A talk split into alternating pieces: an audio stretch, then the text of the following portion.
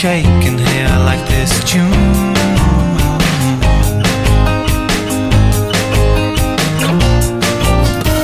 Even if I could hear what you said, I doubt my reply would be interesting for you to hear. Because I haven't read a single book the only film I saw,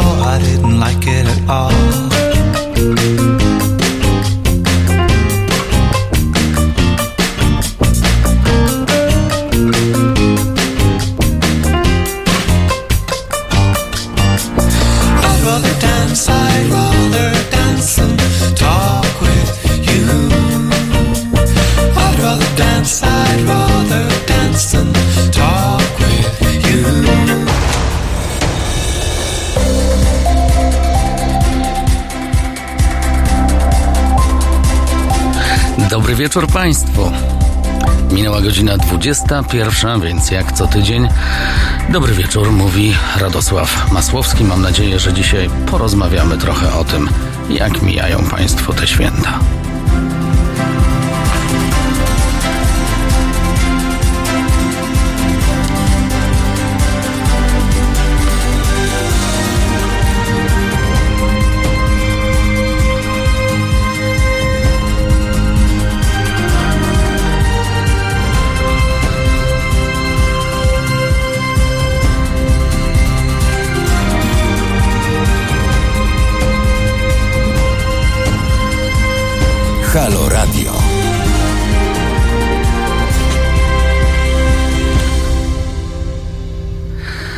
022 390 59 22 to telefon do naszego warszawskiego studia, a my ruszamy wigilijnie.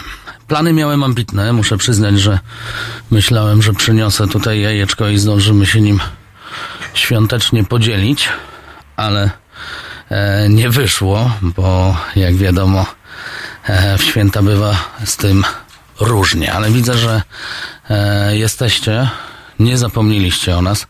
E, szczerze mówiąc, zastanawiałem się, czy przyjdę i nie będę mówił sam do siebie, bo to różnie bywa w święta, ale jak e, widzę, nie. E, ktoś coś wie o programie o 21. Ja trochę wiem, tak, to będę ja przez najbliższe e, dwie godziny. A właśnie Jakuba był dzisiaj na żywo, czy przyszedł? Przyszedł chuligan. to bardzo dobrze. E, Dobry wieczór. E, Witam Piotra, witam Mirgo, witam e, Mag Wyspę.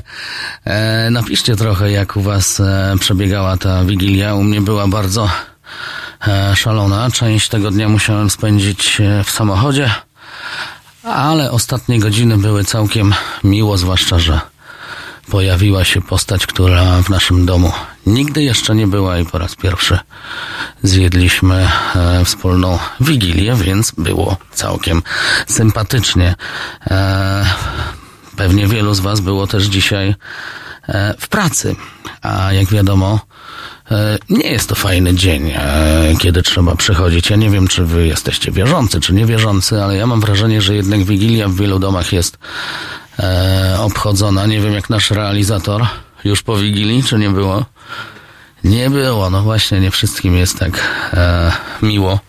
Nie wszyscy mieli tę okazję, żeby usiąść dzisiaj przy wigilijnym stole. Ja miałem krótko po krótko, ale się udało. Jak to było u Was?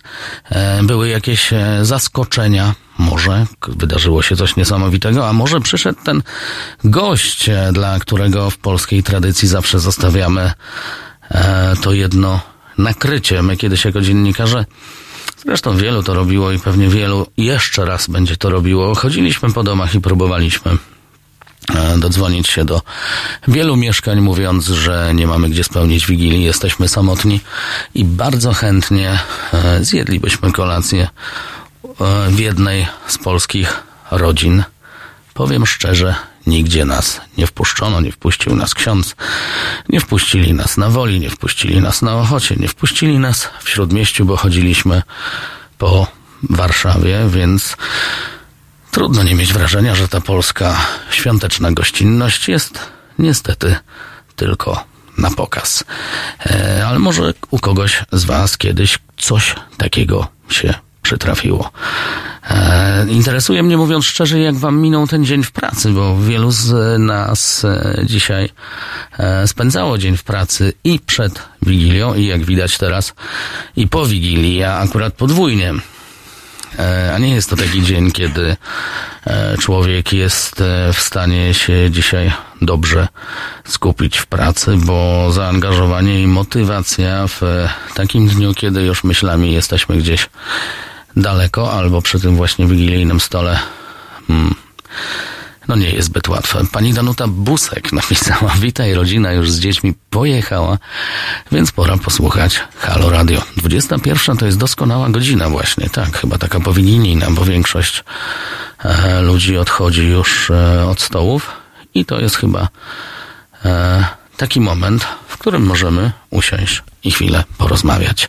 Piotr Strychalski napisał, u nas to szalona była podwójnie. Zamówione, niektóre potrawy się nie wydarzyły, zapomnieli biedaki i to jest dopiero dramat. No i improwizacja z tego, co mamy, ale za to samo spotkanie radosne i odprężające. A u mnie, napisał Mirgo, u mnie kolacja wyjątkowo błyskawiczna i szybki powrót do łóżka z zapaleniem oskrzeli. I tutaj akurat mamy coś, co nas łączy, bo ja jestem tym E, typem, który złapał w tym miesiącu dwa wirusy, dwa oddzielne wirusy. Najpierw chorowałem przez dwa tygodnie na klasyczną grypę, a dwa tygodnie później, kiedy już zacząłem wychodzić z grypy, złapałem wirus i miałem zapalenie gardła i e, mówiąc szczerze, to nie byłem do końca pewny, czy będę mógł przyjść z wami porozmawiać, bo ostatnio praktycznie głos straciłem, ale wraca on powoli do e, do normy. E, przeczytałem ostatnio, nie wiem czy interesuje Was, czy, czy przeglądaliście, jak wygląda sytuacja e, finansowa naszych polskich parlamentarzystów, bo o tym, e, że trochę już nas zdążyli zawieść ci nasi nowi, wspaniali parlamentarzyści, to już nawet zdążyliśmy E, porozmawiać, ale też jak się okazuje, wielu z tych parlamentarzystów, co mnie troszkę, e, mówiąc szczerze, zaskoczyło i zaniepokoiło, jest bardzo zadłużonych.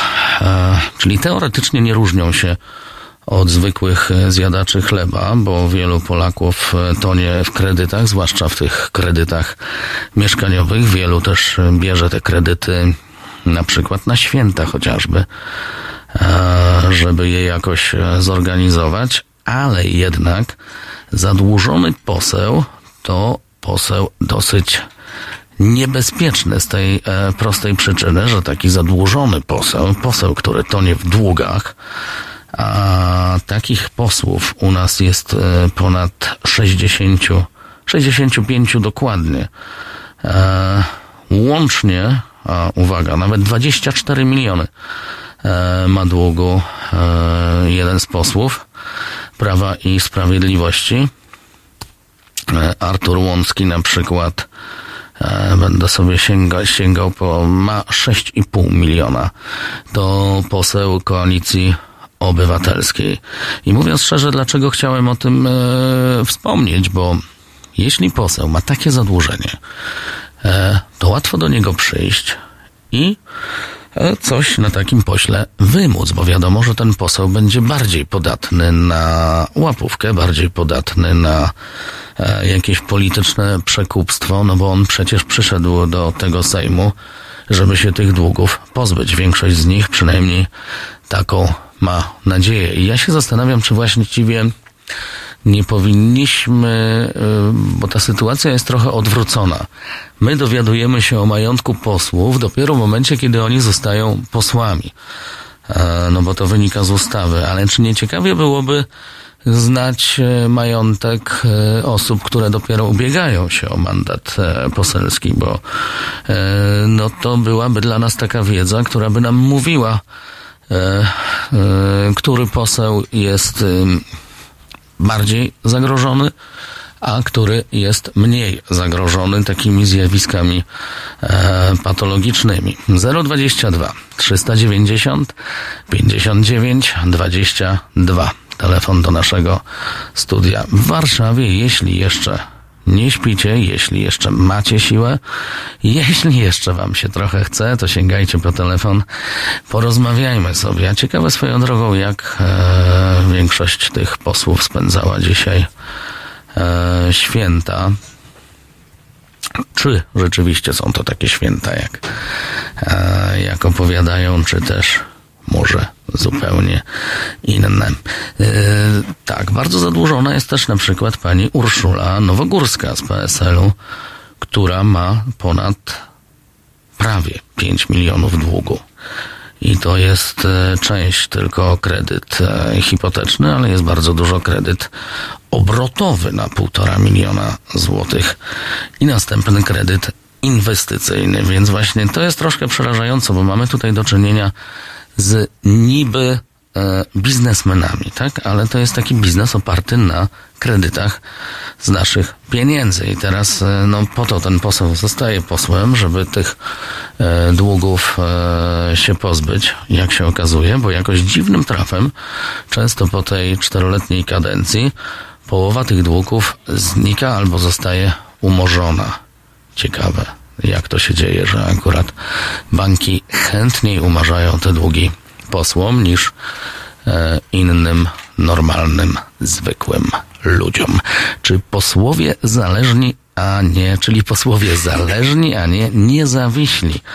Po co pchali się do Sejmu? Jak to po co? Po kasę piszecie? No tak, i to jest chyba taki, e, to jest chyba takie słowo klucz, tylko że no, ja jestem za tym, żeby posłowie zarabiali pieniądze. Uważam chyba, że wręcz e, tutaj możecie mnie zastrzelić.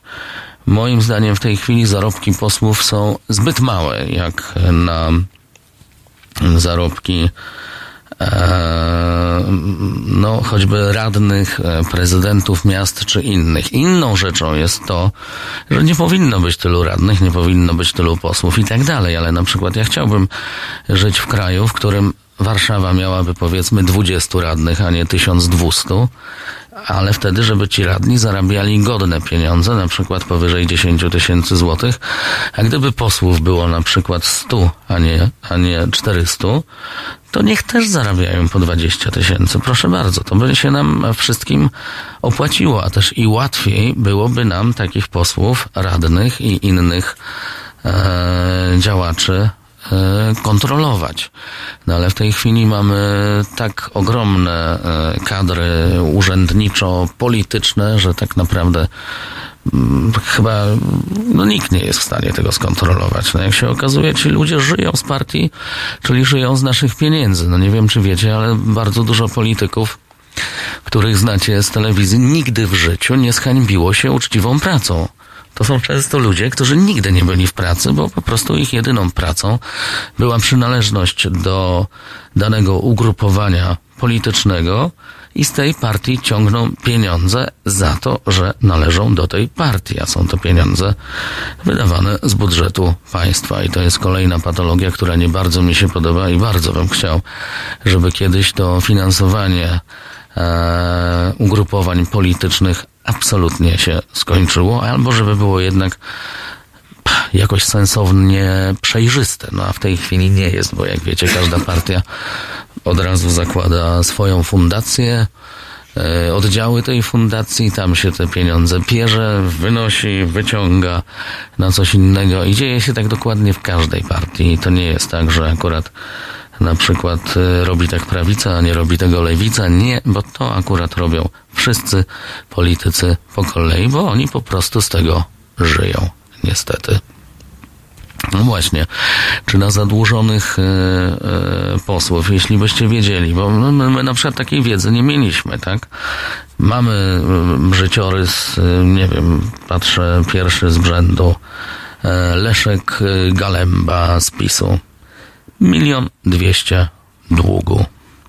E, I następne auto, e, i następny dług 100 e, tysięcy w drugim banku i mniejsze po kilkanaście tysięcy na budowę działki i 970 tysięcy kolejnej. Teraz gdybyśmy mieli taką wiedzę, to ja myślę, że trzy razy byśmy się zastanowili, czy akurat na takiego e, posła zadzwonicie, bo to jest z góry po prostu e, wiadomo, że taki poseł pierwsze co zrobi, to będzie szukał okazji, jak e, się tego długu pozbyć, a najlepiej się go pozbyć w ten sposób, że przychodzi pan, nie wiem, na przykład deweloper, kto tam jest teraz na na rynku i takiego posła molestuje, żeby przeprowadzić ustawę dogodną dla niego, tak jak nie wiem, czy pamiętacie, jak było z obowiązkowymi zestawami głośno mówiącymi do telefonów, kiedy potem okazało się, że to e, jeden ze znajomych posłów ma e, firmę, która właśnie tak się dziwnym trafem e, zdarzało ona tylko mogła robić te zestawy głośno mówiące. No to potem upadło, nie przeszło, bo to się wszystko wydało, ale takich prób w tym Sejmie, o którym nigdy my się nie dowiemy i, i zapewne nigdy nie będziemy wiedzieć, bo, bo o, takich rzeczach po prostu posłowie milczą. E, nie dowiemy się o tym zapewne nigdy. E, I jeszcze tylko chciałbym e, wrócić. Napiszcie coś od siebie albo zadzwońcie i powiedzcie, jak wy jak teraz, e, jak, jak zamierzacie spędzać te najbliższe dni. Ja chciałbym tak dzisiaj z wami tak po ludzku, po przyjacielsku trochę e, spędzić tego czasu i naprawdę bardzo mnie interesuje, co u was, hej, hej, jak tam e, mija ten dzień i jakie macie plany na następne dni. No my troszkę mamy tak, że pewnie wie, wielu z nas będzie pracować, ale są w tym kraju zawody normalne, gdzie chodzi się do pracy tylko e, wtedy, kiedy trzeba i święta są wolne. E, ja w tym roku muszę przyznać, mam aż dwa dni wolnego, co mi się nie zdarzyło chyba od 20 lat. Właściwie odkąd pamiętam, to nie pamiętam, odkąd e, pracuję w mediach, to nie pamiętam, żeby zdarzył mi się taki e, długi świąteczny okres.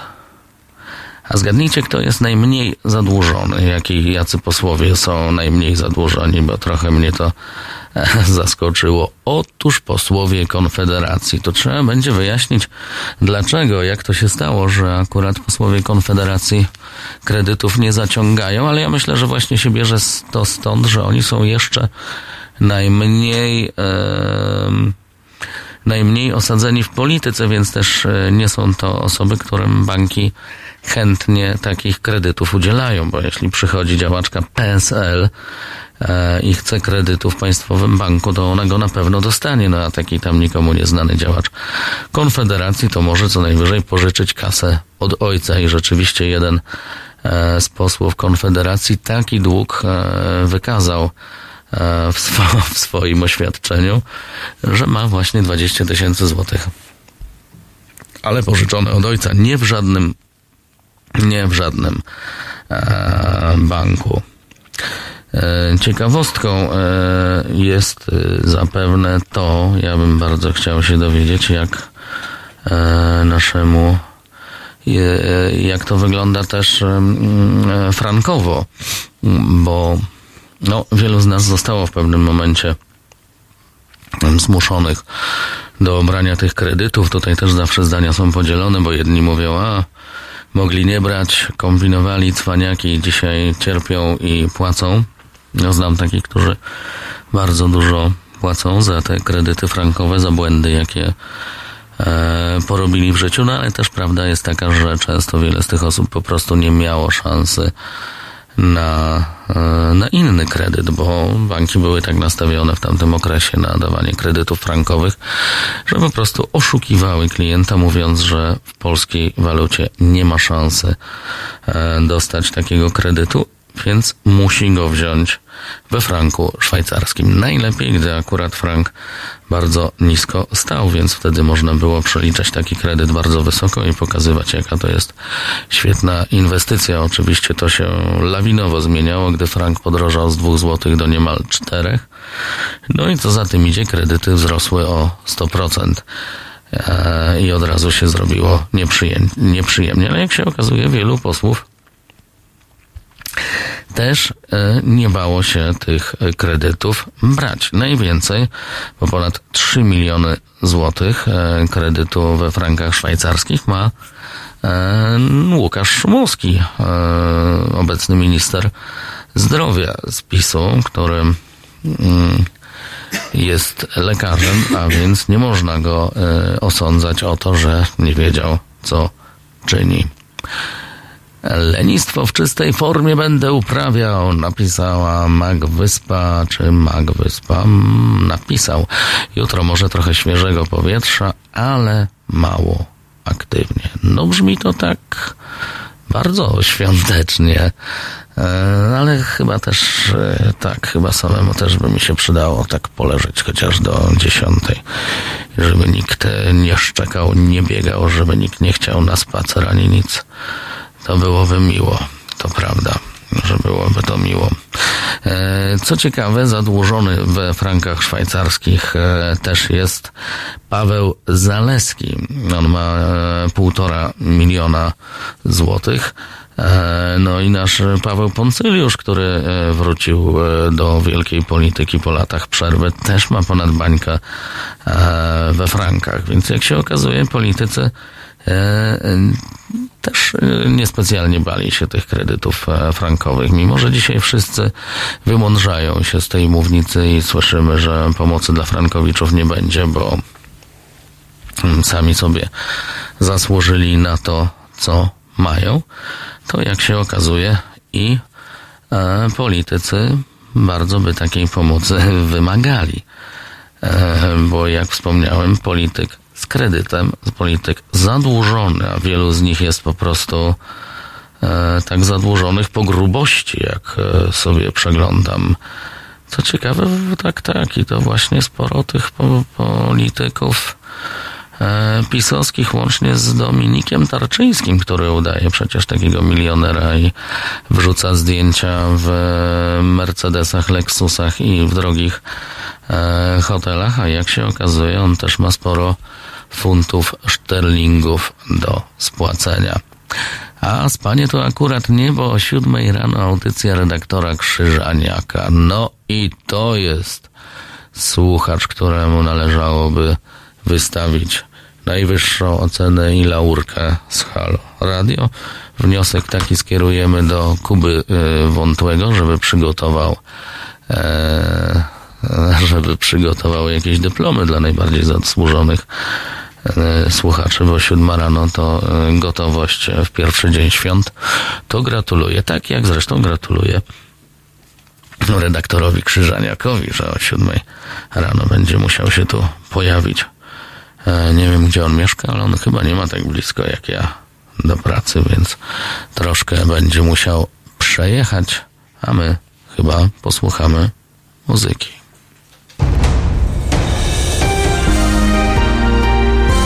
Niedzielę po kościele. Od 19 do 21 publicysta i wydawca Marcin Celiński będzie sumować tydzień wraz z gośćmi w studio i z Państwem. 19.21 www.halo.radio. Słuchaj na żywo, a potem z podcastów.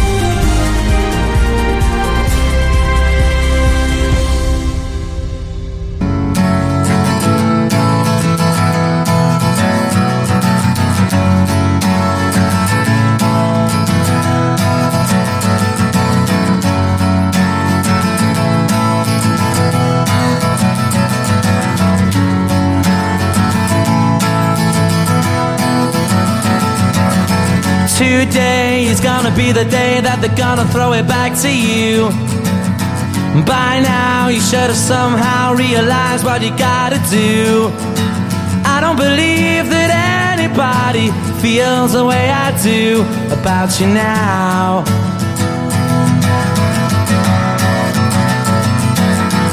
Backbeat, the word is on the street that the fire in your heart is out sure you've heard it all before, but you never really had a doubt. I don't believe that anybody feels the way I do about you now.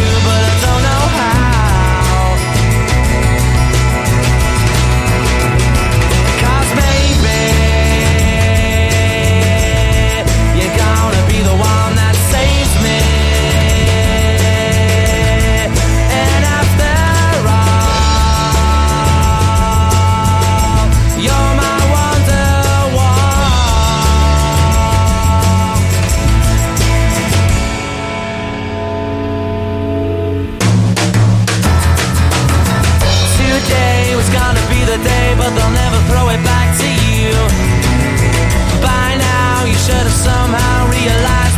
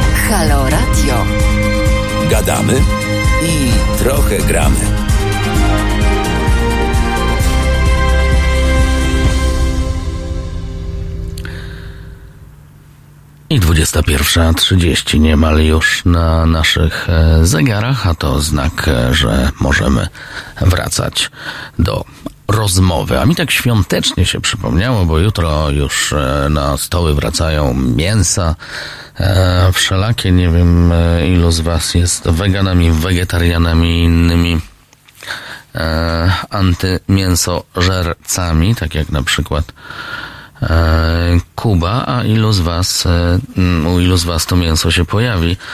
Bo jednak e, w wielu polskich rodzinach święta bez e, pieczeni e, trudno sobie wyobrazić, ale tak chciałbym trochę odbiec, bo nie wiem, czy słyszeliście o tej specustawie e, o dzikach, e, która właściwie przygotowywana jak zwykle e, w Polsce się to dzieje na na kolanach oczywiście, na kolanach naszych e, posłów, e, daje myśliwym e, nawet tłumiki do broni. Generalnie do lasu będzie strach teraz wchodzić, bo myśliwi dosłownie chcą być jak komandosi grom i biegać po lesie i w dzień, i w nocy z bronią e, wyposażoną w tłumiki właśnie, w broń e, wyposażeni także w broń krótką. Normalnie e, przy pasie myśliwy chce mieć spluwę jak amerykański policjant, e, oficjalnie po to, żeby dobić e, takiego e, dzika, który tam leży, a nieoficjalnie to nie wiem po co myśliwemu tak naprawdę rewolwer czy pistolet. Myślę, że po to, żeby sobie e, postrzelać e, z kolegami. Ale co ciekawe, bo to oczywiście ta ustawa jest tłumaczona tym, że no, ma to być ta słynna walka e, ze zwalczaniem afrykańskiego pomoru świń, z którym jakieś wszystkie kraje sobie radzą bez trudu, tylko w Polsce. Dziwnym trafem nie możemy sobie tym poradzić, także Niemcy wzorem e, Izraela czy Ameryki na granicy meksykańskiej zaczęli budować płot i mur oddzielający Niemcy od Polski, bo się boją, że te dziki e, za chwilę e, wpadną do niemieckich lasów.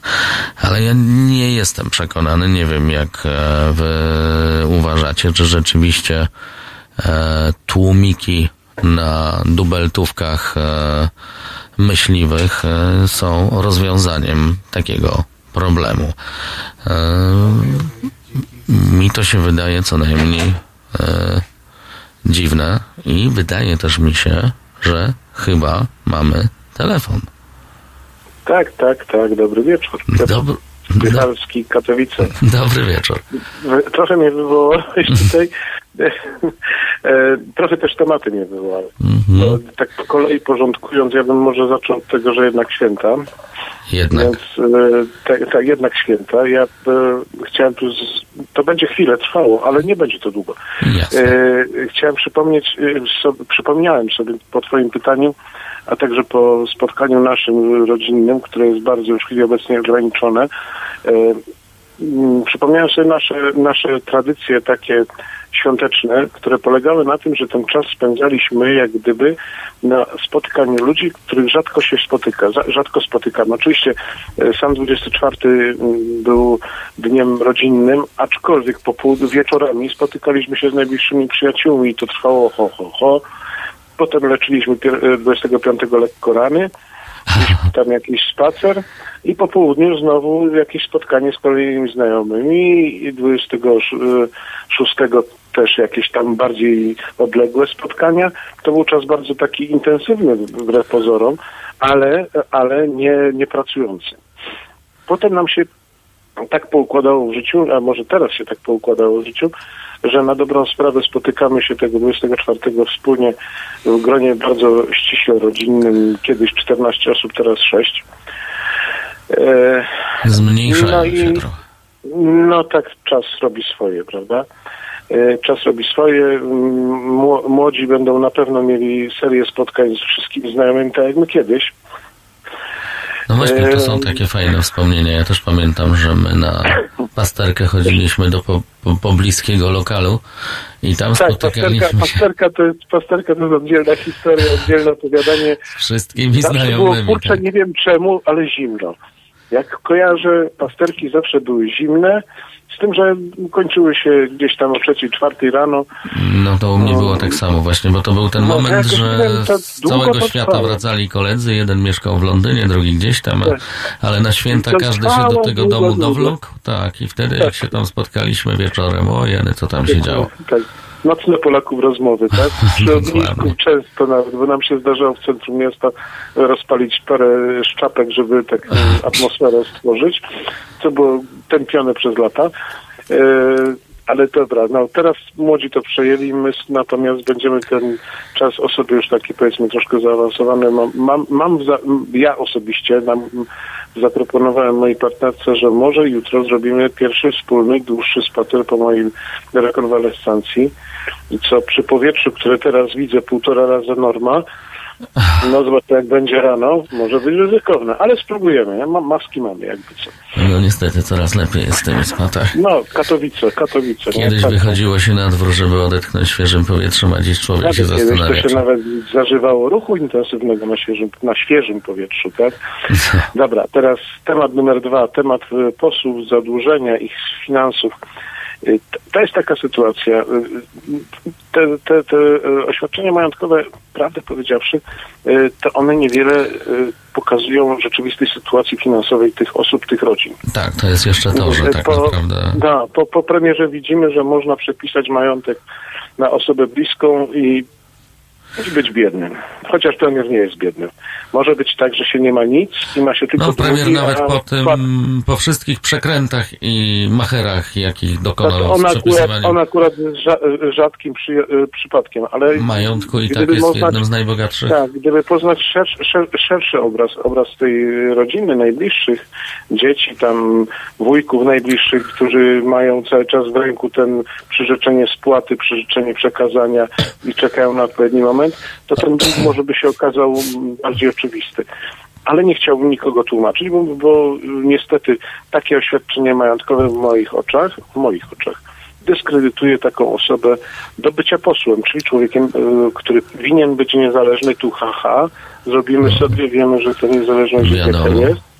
Tak? Życzylibyśmy sobie niezależności takiej prawdziwej, y, kiedy posłowie mają swoje zdanie. To by było na, na, naprawdę fajnie. Prawda? Naprawdę.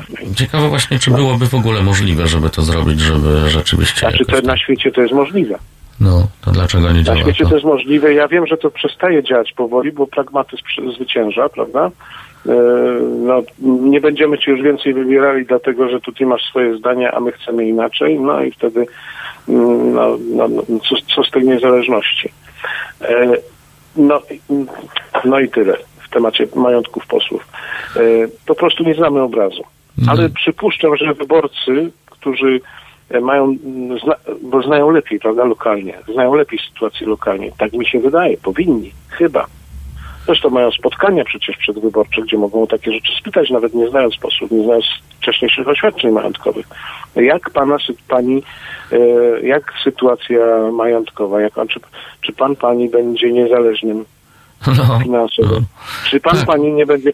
Tak, takich Ale tak, się nie zadaje. wystarczyłoby parę takich na przykład tak, y, pytań, oświadczeń i tak dalej, które by y, też jakby powiązane z tym, że automatycznie traci się mandat, jeśli będzie tam kłamstwo, prawda? No, ja, ja Radku tutaj troszeczkę rozszerzę, bo chciałem na tym skończyć, ale rozszerzę to, co to powiedziałeś no, o tym, że się nie zadaje takich pytań. Więcej, e, e, wyborcy rzadko kiedy wymagają od kandydata, kandydata, tego, który zmierza do bycia posłem, albo do zmierz, zmierza do kandydatki, zmierza do bycia kolejny raz posłanką czy posłem, e, nie, nie, nie, nie wymagają tego, żeby na piśmie napisał, do czego się zobowiązuje. Co ty tutaj chcesz zrobić? Co ty chcesz? I potem nie tłumacz się tym, że nie dało się. A czy ty, ile miałeś wystąpień w tej sprawie? Jedno?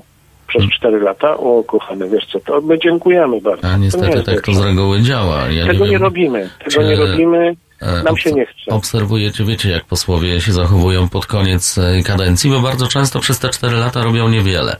Ale oczywiście Tak, każdy poseł tam... taka aktywność się Tak, ujawnia, że Więc, ale oczywiście, że muszą mieć te stenogramy z przemówień sejmowych i tak dalej, e, Tak. żeby było odczytany list. To, co robią posłowie, idą o 12 w nocy do Sejmu, kiedy już nikogo nie ma. I ja polecam naprawdę, e, kiedyś wam spróbuję czytają puścić w radiu, czytają do pustej sali, tak. A Tak, stenotypistka siedzi i oczywiście musi to notować, to zostaje nagrane. Poseł taki dostaje potem papier, który ma, że on w Sejmie miał wystąpienie. Tam nie ma napisane, że to była 12 czy w pół do pierwsza w nocy, ale poseł potem wraca do siebie i mówi, patrzcie, ja tu w Sejmie przemawiałem w waszej obronie i tak dalej. Tak. A że nikt oprócz posła i pani... Ale tak to niestety wygląda i ci posłowie potrafią pod koniec kadencji okupować całymi wieczorami te mównice. Tam jest wtedy bardzo śmiesznie, bo tam są w, w najróżniejszych sprawach e, ci posłowie się wypowiadają i stoi taka kolejka po prostu cymbałów i gatają przez północy różne bzdury do pustej sali tylko dlatego, Ja, żeby potem... Przyznam ci, że myślę, że większość z nas, którzy tutaj słuchają i rozmawiają, wielu z nas, tej praktyki nie znało. No a jest, jest to bardzo zabawna praktyka, którą pole, polecam można zadać pytanie, a w jakim to konkretnie dniu pan poseł posłanka wystąpił? Tak? No tak, o dzień i godzinę warto zapytać wtedy, tak, kiedy tak, on tam... zapytać. I teraz sprawa trzecia, jeżeli pozwolisz, no już krótko, bo widzę, że już się strasznie wydłużyło moje wystąpienie tutejsze. Przepraszam wszystkich słuchających. Y, y, Sprawa myśliwych. Y, To jest sprawa chora do bólu. Tak, tutaj chciałbym samo, no, samo, samo myśliwstwo jako takie, w moim odczuciu człowieka, który y, widzi, co się dzieje w przyrodzie, bo to trzeba po prostu widzieć w, szersz, w szerszym kontekście. Jakoś myśliwy nie widzi po, pożarów w Australii czy w, w Amazonii, tak? On tego nie widzi chyba. No jakoś On o tym chyba nie wie. Jeżeli on tego nie wie, że nie zdaje sobie sprawy z tego, że e, e, tak strasznie e, planeta cierpi z powodu e, wzrostu temperatury i chodzi do lasu dalej mordować to, co tam jeszcze zostało, co zagarnął. A, a zostało już prawda? coraz mniej, oprócz To tego, Zostało coraz mniej. Zagarniamy jako ludzie naj, najgorszy, najgorszy gatunek zwierzęcia, zagarniamy kolejne obszary zwierząt, a potem jeszcze dożynamy to wszystko e, bronią jakąś. Ja nie wiem, to jest patologia i trzeba naprawdę być bardzo chorym człowiekiem na umyśle, chorym na umyśle. Uważam, że to jest po prostu chor, choroba umysłowa, nadająca się do leczenia psychiatrycznego, że wydaje się zezwoleniem ludziom na szczelanie do zwierząt tylko dlatego, że, im, że, że teoretycznie to one przenoszą. No ale jak zobaczymy No, obrazki z polowań, Ale jak pokazują wszystkie badania, i zarówno polskie, i zagraniczne, e, to ten wirus. ASF właśnie zwiększa to, że się strzela do dzików i masowo je wybija. To sprawia, że ten wirus szybciej się roznosi właśnie z tą krwią, z tymi Tak. jeżeli się, jeżeli rozbryzgami. się tak prowadzi, wiesz, jeżeli tak się już prowadzi to, em, tą walkę i na miejscu, bez użycia na miejscu się nie utylizuje tego w całości, A no tak? właśnie, bo tutaj mamy jeżeli to. tego się nie utylizuje w całości, A przecież wiele takich filmów jest, jak oni sobie kroją te dziki no, od razu tam na bieżąco. Spożywają I, przecież te, Tak. mięso. i, I właśnie Łażą w tych buciarach doświadczenie krajów, które z ASF-em sobie e, poradziły bezproblemowo, pokazują, że one tam, e, że w tych krajach masowo się dzików e, nie wycinało. wybija. E, No nie nie ma potrzeby wybijało. takiej. A u nas Trzeba tak. tylko No. higienę zachować. Ja dzisiaj wróciłem z Puszczy Kampinoskiej i właśnie się dowiedziałem, że tam już dzików nie ma. Po prostu zostały, zostały Puszczy. wybite co do sztuki. Po prostu No, wpadli tam i, i rozwalili wszystko, co mogli. A teraz jeszcze Nie. właśnie, no jak słyszę, że będą dostawali tłumiki, bo tu chodzi o to, to, to jest bardzo ciekawe wytłumaczenie. Wiesz, to, to, jest, to, to jest kryminalne. Bo oni jest mają teraz polować i w dzień, i w nocy. No, No, i żeby no, ludzi nie, nie budzić, i nie, ja nie wiem, i strzelać po prostu z e, broni wyciszonej z tłumikami do bezbronnych zwierząt, to jest dosyć tak. E, Radku, to jest dla mnie historia kryminalna, bo jeżeli daje się człowiekowi z gruntu nieodpowiedzialnemu, bo mającemu pozwolenie na polowanie, to jest z gruntu nieodpowiedzialny człowiek. I nikt nie tłumaczy, że polowanie e, w celach, e, jak to się mówi, populacyjnych jest e, No uzasadnione, bo dla mnie ono jest nieuzasadnione. Absolutnie nie, Zwierzęta nie, no. sobie poradzą. No jedne co mówi, poradzą. tak, to myśliwi mówią zawsze, że oni dokarmiają tam zwierzęta i wydają na to ileś Dobra, no pieniędzy. ale to, to mogą Ja sobie mówię- zamienić te karabiny na aparaty fotograficzne. No, tak nie dokarmiaj, nie dokarmiaj. Bo, a, a najśmieszniejsze jest to, że oni mówią, że oni starają się strzelać w osłabioną zwierzynę, w słabą, chorą i tak dalej, nie? Tak jakby z kilometra, on by z kilometra Tak, był w stanie rozpoznać, czy poznaje, zając tak. jest chory, czy zdrowy akurat i Tak, strzela. psychiatra poznaje przez, psychiatra poznaje przez telewizor swojego pacjenta i mówi, kim jest, tak? jaką ma chorobę. No dajmy sobie spokój. Więc ja na dzień dobry mówię, nie dokarmiajmy tych zwierząt, to to najsłabsze samo zdechnie i No nie przeżyje zimy i będzie naturalna to- selekcja, a zostaną te silne i zdrowe. to, co potrafi. I tak to powinno tak. wyglądać bez pomocy myśliwych, a zwłaszcza myśliwych biegających z A, a tłumikami, bo zwłaszcza tych niebezpiecznych i jak się okazują, teraz ci myśliwi będą mogli nas z lasu wyrzucić i chodzenie po lesie stanie się czymś niebezpiecznym. Ale jest to kolejna Właśnie. ustawa PiSu, która tak naprawdę powstaje w ministerstwie, jest wymyślona w pustych e, e, ministerialnych głowach, ale wtedy musiałaby oczywiście przejść wszystkie e, procedury i tak dalej, więc co zawsze PiS stosuje No, w takich sytuacjach? tak, wiadomo. tak, zgłasza, że jest to inicjatywa Wo- Woła poselska. tych, co są zadłużeni, mówią halo, Dokładnie. dostaniecie 10 złotych, tutaj, prawda, tu wprowadzacie i dawajcie twarz. Bierze się dwóch, Ale tak. dobra, 10 złotych już dajemy. I oni to robią za siebie. Zadychę, Dzięki. czyli ustaliliśmy. Dzięki bardzo za ten telefon. Pozdrawiam. Miłego wieczoru życzę. A tutaj wrócił nam kapitan Stratford. E, wróciłem i słyszę, że tematem jest myślistwo. Między innymi e, e, o tym... E, tak, Magwyspa przypomniał rewelacyjny fragment o myśliwych e, Abelarda Gizy. Rzeczywiście popłakałem się, jak to oglądałem, kiedy opowiadał o tym strzelaniu do zajęcy.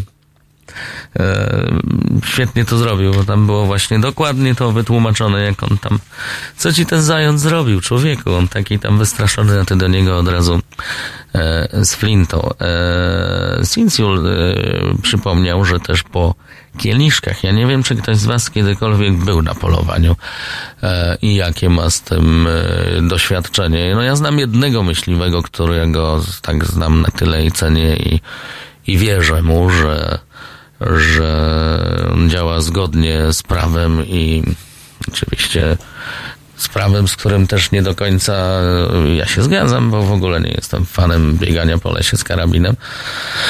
Ale powiedzmy, że e, jakaś tam część myśliwych stara się chociaż e, w jakiejś niewielkiej części zrobić e, coś dobrego. Ale ja byłem na zobaczyć, jak wygląda taka e, nagonka, jak wygląda praca myśliwych, to jest rzeź. To jest jakby nie patrzył rzeź.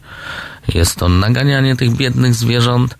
E, one są totalnie przerażone, kiedy idzie taka nagonka, bo tam wysypuje się wszystko, co, co w tym lesie mieszka i ucieka na złamanie karku, żeby tylko e, przeżyć, a na końcu całej tej akcji czeka na nich gruba spasionych myśliwych, często o nieświeżym oddechu, bo przecież jadąc na takie polowanie, panowie sobie tam już popijają i to równo.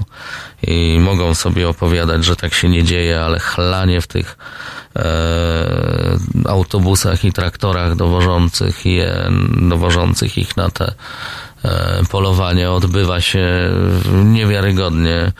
E, I potem to, co się robi z tymi zwierzętami, kiedy się mówi, kiedy się wypuszcza na nie te psy, kiedy się to dobija, e, to jest takie dręczenie, że gdyby to nagrać i puścić, to dla wielu z tych tak zwanych myśliwych byłoby to ostatnie polowanie i zakończyłoby się więzieniem. No ale my tak, to co się przedostaje do mediów, to jest po prostu etos. Takie to szlachetne, oni tylko chcą robić wszystkiego dla dobra e, przyrody, a to niekoniecznie. Niestety tak wygląda, bo chlania jest e, e, bardzo duży. Byłem jako obserwator i na dobry początek e, po lufie trzeba było kropnąć nomen omen. No tak, a po lufie to skąd się wzięło przecież jak nie e, z polowania. To jest stary myśliwski, stare myśliwskie zawołanie.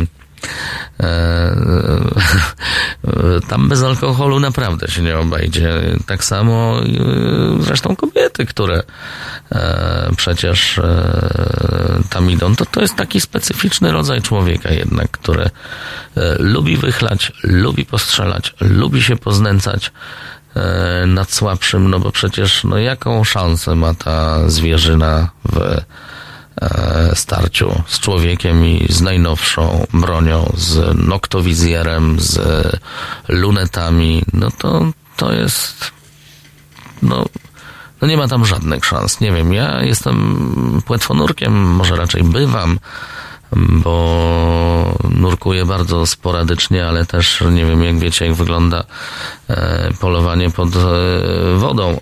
Ja też tego nie uskuteczniam, ale powiedzmy, że e, tamte zasady są takie bardziej mm, zostawiające ryb, rybie jakąkolwiek e, szansę, bo jeśli chcesz polować e, z kuszą, to nie możesz mieć żadnego aparatu tlenowego, więc wiadomo, że człowiek pod wodą wytrzyma 3 minuty, e, powiedzmy, więc musi w tym czasie zanurkować, znaleźć tą rybę, strzelić, trafić.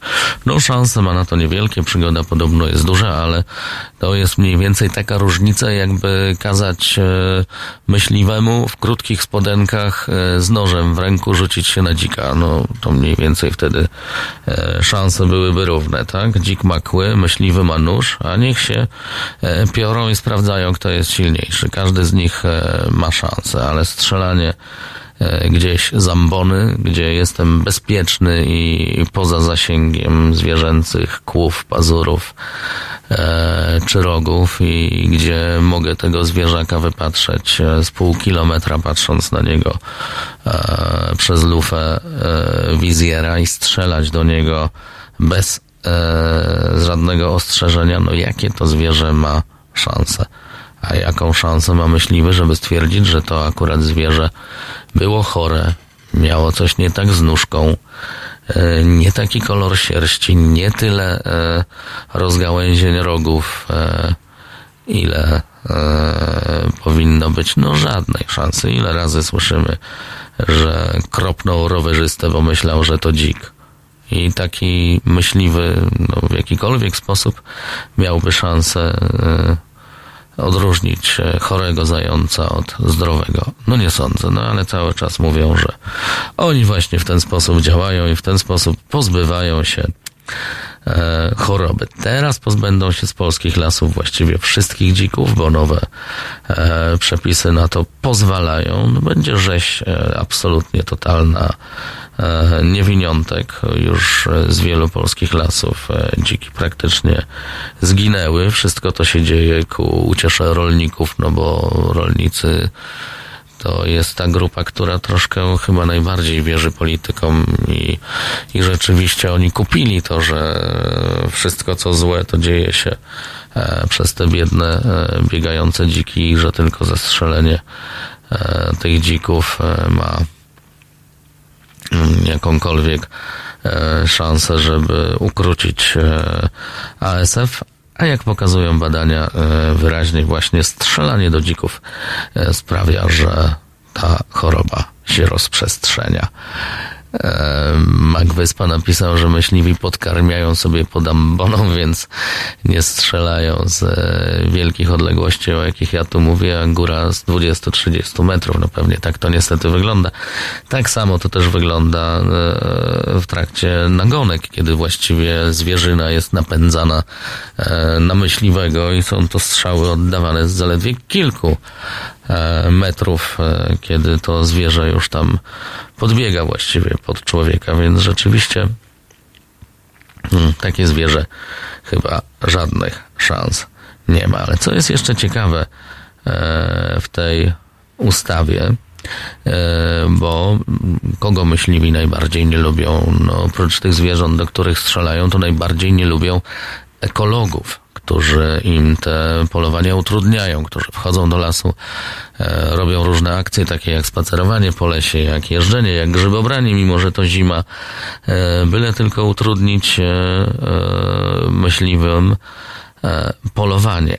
Ale jak się okazuje, teraz za takie utrudnianie polowania myśliwemu będzie można trafić nawet na rok do więzienia, więc e, myśliwy będzie miał prawo złapać cię za ucho, wyrzucić cię z lasu, won z mojego lasu, bo ja tu strzelam, a ty mnie tutaj e, nie łaś człowieku, e, więc może być naprawdę wesoło. Ja jestem bardzo ciekaw, jak się zachowają e, aktywiści, bo to teraz będzie rzeczywiście bardzo ryzykowna e, sprawa, bo jednak dzięki obecności tych aktywistów e, w lasach wiele zwierząt udało się uratować.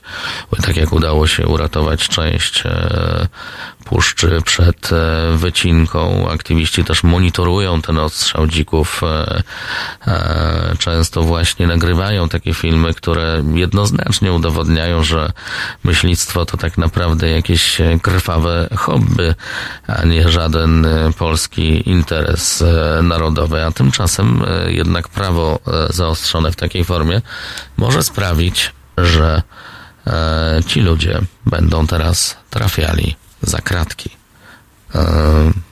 No nie wiem, kto powinien trafić za kratki, czy myśliwy, który strzela i patroszy na miejscu takiego dzika, czy człowiek, który próbuje takie zwierzę uratować. Ale Polska to dziwny kraj.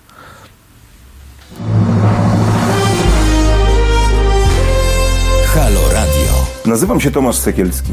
Często od moich widzów, słuchaczy, czytelników słyszę, że brakuje w Polsce medium obywatelskiego. Medium, które na poważnie traktowałoby swoich odbiorców.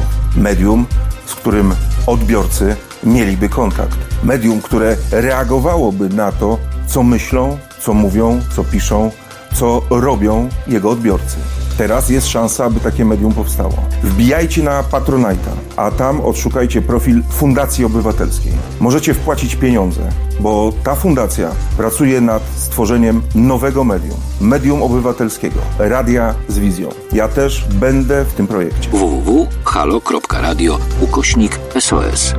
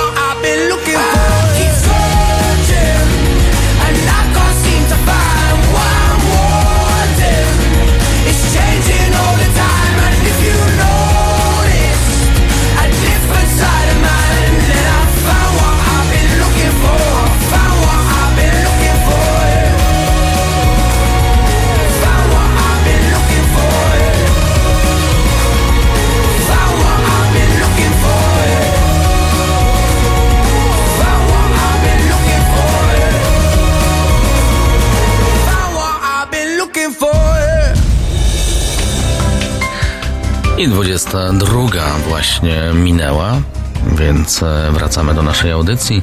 Radek Masłowski, dobry wieczór, jeśli dopiero zaczynacie nas słuchać. Halo Radio. Na czym, co to, o co to, o czym to my piszecie e, do nas i widzę, że wielu z was e, z bronią e, sporo ma do czynienia. Ja strzelałem ostatnio na 300 metrów na mechanicznych przyrządach i miałem 10 z 13 w tarczy 50 centymetrów. No to doskonały wynik. E, a ja miałem w wojsku 40 punktów na 50 możliwych skałach, a na 100 metrów bez przyrządów. E, No ja nie pamiętam jakie miałem wyniki, też dużo dosyć e, strzelałem z najróżniejszej broni, a ale to raczej tylko dlatego, że e, przez wiele lat jako dziennikarz zajmowałem się między innymi wojskiem i wiązało się to z wyjazdami na różne misje do Afganistanu, czy Iraku, czy na jakieś tam wojny. Na ostatniej wojnie byłem w Gruzji, to była ostatnia wojna, e, na której pracowałem, tak, i, i rzeczywiście uczono nas, jak posługiwać się bronią i żeby sobie w miarę dobrze e, radzić, jednak e, w przypadku, kiedy przydarzyłaby nam się jakaś nieprzyjemna sytuacja i trzeba byłoby już myśleć nie tylko o redakcji, ale o tym, żeby uratować własny tyłek i wtedy rzeczywiście obsługa broni może się przydać. Na szczęście nigdy mi się nie przydała w takiej e, niecodziennej sytuacji. Ktoś tam napisał e, o tych prywatyzacji, e, o prywatyzacji lasów. E, tak, tak, rzeczywiście było tak, że kiedyś mówiło się e, o tym, że Platforma będzie próbowała te lasy sprzedać. Te plotki bardzo e, PiS rozsiewał, a tymczasem okazało się, że tak naprawdę za prywatyzację lasów na dużą skalę, no wzięła się nasza ulubiona partia, czyli Prawo i Sprawiedliwość, chociaż jak to mówi Mateuszek e, Morawiecki, oni nie prywatyzują lasów, proszę Państwa. Oni je repolonizują. To będą teraz polskie lasy, prawdziwe, narodowe, a że zarządzone, zarządzane przez spółki, obsadzone przez e, znajomych e, królika, e, to już e, rzecz inna, bo teraz powstaną na przykład specjalne e, spółki związane z drewnem oczywiście, tak? Nie wiem, czy słyszeliście o takiej e, spółce, którą PiS e, właśnie powołuje, a nazywa się ta spółka szumnie i dumnie Polskie Domy Drewniane. To oczywiście jest jakby ciąg dalszy tego absolutnie nieudanego pisowskiego programu e, Mieszkanie Plus. E, te mieszkania, jak wiecie, nigdy nie powstały, nikt nich nie mieszka i jak do tej pory e, parę osób, które w nich zamieszkało, okazuje się, że muszą płacić jakieś horrendalne czynsze, a mieszkania e, nie nadają się za bardzo mm, do mieszkania, no więc teraz PiS wymyślił, że taniej będzie budować te domy z drewna. Wszak drewna mamy pod dostatkiem. Jan Eustachy, pozdrawiam serdecznie, panie Janie. Panie Janie, kochany, w myślistwie najbardziej lubię bajeczkę o równych szansach zwierząt i myśliwego. A czy ktokolwiek widział zająca z flintą? No niekoniecznie. Chyba, że już wbitą między, między e, zęby. Także niestety ja mam wrażenie, że z tych naszych lasów pod e, rządami e, tej obecnej partii to niestety zostanie niewiele. E, ja się mogę tylko posłużyć tutaj przykładem Campinosu, w którym jestem ostatnio E, najczęściej. I przecież był to las, który, który jakby no komuniści sobie wymyślili e, komuniści, o których dzisiaj słyszymy, że oni wszystko niszczyli, kradli i tak dalej, a przecież a przecież to im zawdzięczamy ten Campinos, im zawdzięczamy to, że ten las się regularnie rozrastał, że e, bogacił się w zwierzynę, bo e, tam przywożono i sprawdzano, i które zwierzęta się tam zaklimatyzują, którym będzie dobrze, którym mniej. Dzisiaj tam mamy i orły i tak dalej, no ale jak się dowiedziałem, że już e, nie ma tam nawet jednego dzika po kilku latach e, rządów e, Prawa i Sprawiedliwości, to już jest źle. Kiedy widzi się, że trwa nieustanna wycinka tych lasów, to już jest niedobrze, no ale właśnie kiedy się przeczyta e, dobrze te projekty Prawa i Sprawiedliwości i, i przeczyta się w nich, że już powstają kolejne spółki związane z drewnem. Już nie tylko fundacje e, założone przez właścicieli tartaków, które miały być przykrywką, e, bo to o tym zapewne słyszeliście, że wiele mm, e, ekspertyz, które na przykład e, wydawały e, lasom państwowym, tam tym władzom pisowskim zezwolenie na przykład na wycinkę drewna, no to tam potrzebne są jakieś noty środowiskowe i i zgoda i opisy, no więc co oni robili? Trzech właścicieli tartaków, która żyje z rżnięcia drewna i z rżnięcia Polaków i robienia z nas głupów, pozakładało jakieś fundacje ekologiczne, e, teoretycznie broniące tych lasów e, i zwierząt i tacy panowie wydawali ekspertyzy, z których jednoznacznie wynikało, że dla lasu bardzo korzystne będzie wycięcie drzew, gdyż wtedy ma szansę się taki las najlepiej odbudować. No bzdura totalna, ale tak właśnie wygląda państwo polskie w ostatnich latach troszeczkę na takim e, oszustwie mm, żyjemy. No i właśnie po to się też powołuje takie e, spółeczki, no bo na przykład to mnie bardzo zaciekawiło, bo to, to ta spółeczka, taka polskie domy drewniane, brzmi bardzo ładnie, no ale na dzień dobry taka spółeczka dostaje 50 milionów e, złotych e, od państwa.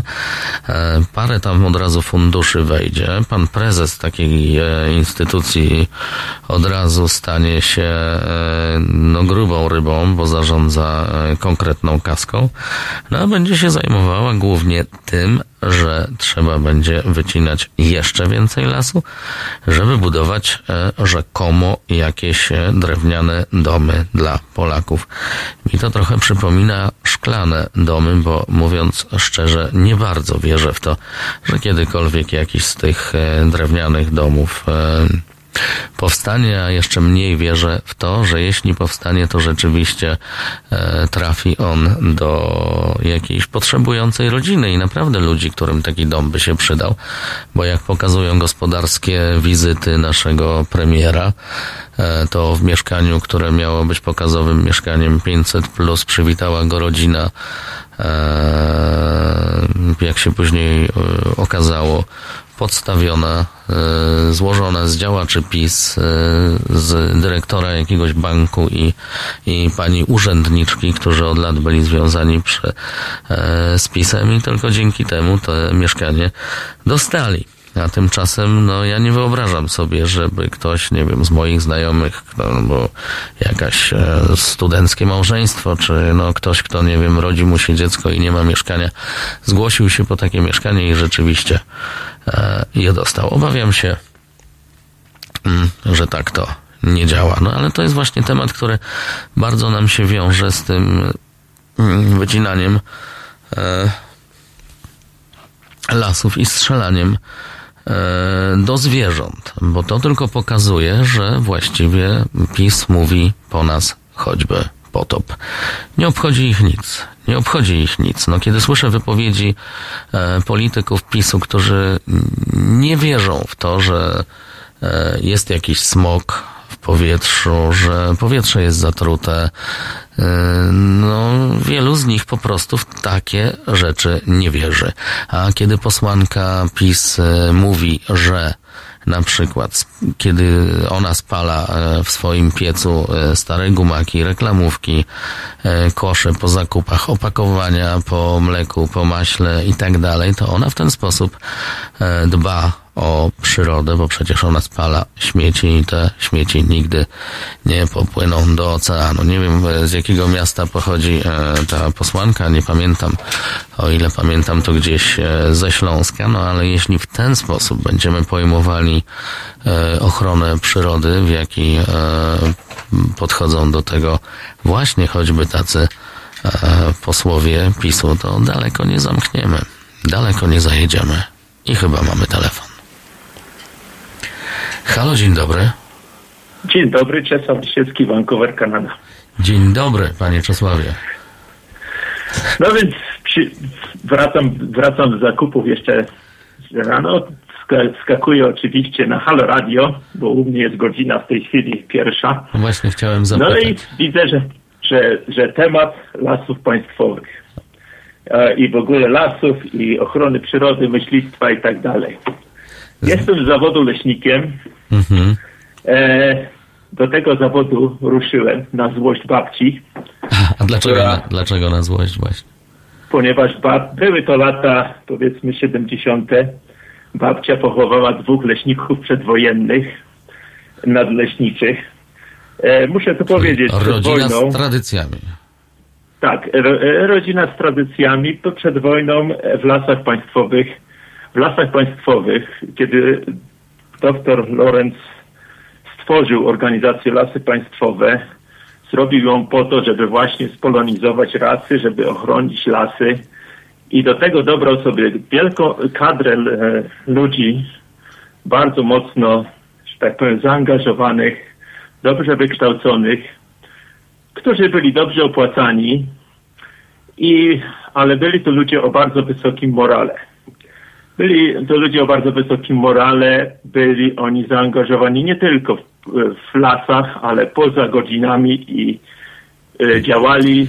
No tak, bo taki człowiek musiał być nieskazitelny jakby w całym swoim zachowaniu, nie tylko w pracy. Tak, a, a, ale poza tym mieli, mieli, e, mieli dodatkowo poza godzinami, każdy z nich odbywał, odbywał szkolenia wojskowe do przygotowania do działań dywersyjnych, to było oficjalnie wiadomo i dla Niemców, i dla Rosjan. Efekt tego był taki, że z wojny grupa zawodowa leśników wyszła najbardziej okaleczona ze wszystkich grup zawodowych. Ponad, ponad sprawie, nie pamiętam, czy to było 10 czy 12 tysięcy leśników przed wojną. Po wojnie zostało, była, została niewielka grupka, powiedzmy około dwóch tysięcy. Reszta wyparowała. No ponieważ trzeba było odbudować to wszystko, e, zaczęto, zaczęto do lasu sprowadzać, no ktoś musiał robić tą pracę. Lasy No były tak. zniszczone wojną, przeszła wojna, ktoś musiał to robić. Więc No, liczyły między innymi mój dziadek, mój dziadek się do tego między innymi przy, przykładał, bo były organizowane kursy dla leśniczych.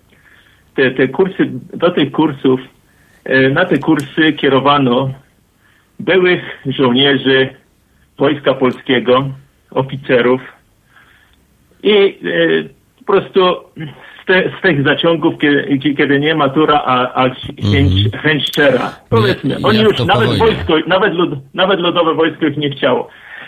I ci ludzie, wielu z nich, nie można powiedzieć, że, że, że wszyscy, ale wielu z nich sprawdziło się, wykonali pracę odno, odnowienia, lesistość Polski zwiększyła się.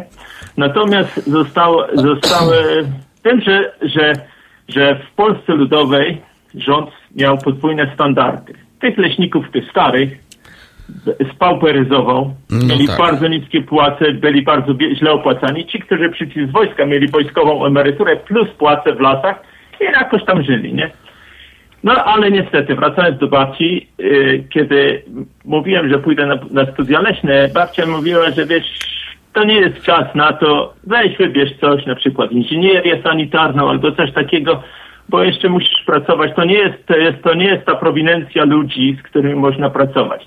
No ale mówię, nie, może to się przeniesie, może kiedyś będzie inaczej. I Może ten etos munduru leśnika wróci. Munduru, munduru, no przynajmniej nie munduru, ale może to będzie. No pierwszy, ob, e, kiedy, że tak powiem, oficjalnie mur, mur padł i zaczęły się, coś tam wspomniałem o przedwojennym, niepisanym e, kodeksie e, honorowym, czy coś takiego, to widziałem, że to był ośmieszek na twarzach. Mhm. No w pewnym momencie w 90 chyba trzecim roku stwierdziłem, że albo odchodzę z zawodu, albo szukam pracy gdzie indziej. Wylądowałem w Vancouver. Tak. I to jest właśnie cały problem w tej chwili, że e, no A w Kanadzie już tylko no to- dopytam, nie, nie w zawodzie leśnika już.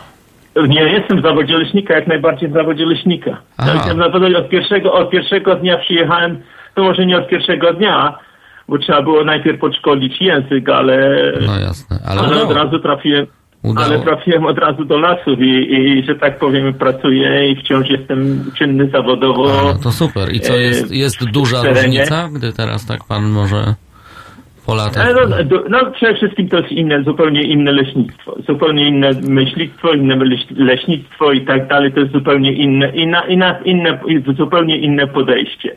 Do, do, no, w Polsce mniej więcej to jest model niemiecki. Nie wiem, czy pisowcy o tym wiedzą, a tak mniej więcej niemiecki. E, tutaj jest ro, ro, e, model brytyjski. E, no, jest, jest to zupełnie inne i, i jedni i drudzy sobie przygadują tak czy inaczej. Niemcy, Niemcy, jeżeli się czyta literaturę niemiecką, są bardzo, bardzo źle się wyrażają lasa bry- e, tutaj, szczególnie kanadyjskich. To, no, no to jest inna, inna pora No tak, co szkoła, W, tak każdy, to w każdym razie, to co chcę powiedzieć, to jest problem tego rodzaju, że e, jest e, e, leśnictwo jest, że tak powiem, e, jak to się mówi, kiedy e, rodziny pracują. A, uciekło mi słowo, przepraszam. E, nepotyzm jest niesamowity. No tak, to prawda. Nepotyzm jest taki, to, to, to są ro, e, ludzie. Dla przykładu powiem tak.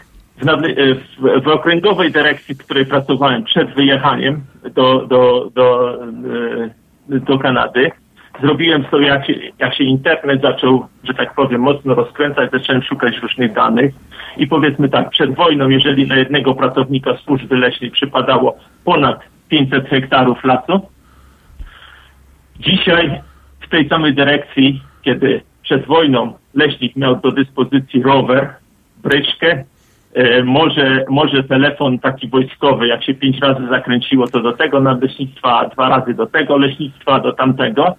Dzisiaj są komputery, wszystko razem do kupy i na, jed, na jednego pracownika służby leśnej przypada może 4, 350-400 hektarów. No właśnie. No, i więc właśnie, a ktoś musi to za to zapłacić, prawda?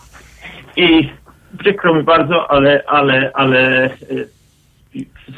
o innych sprawach, które przed wojną, że tak powiem, które, którymi zajmowali się leśnicy, w wielu, o wielu rzeczach w tej chwili leśnicy nie chcą mówić, nie, chcą, nie, nie, nie zajmują się tym.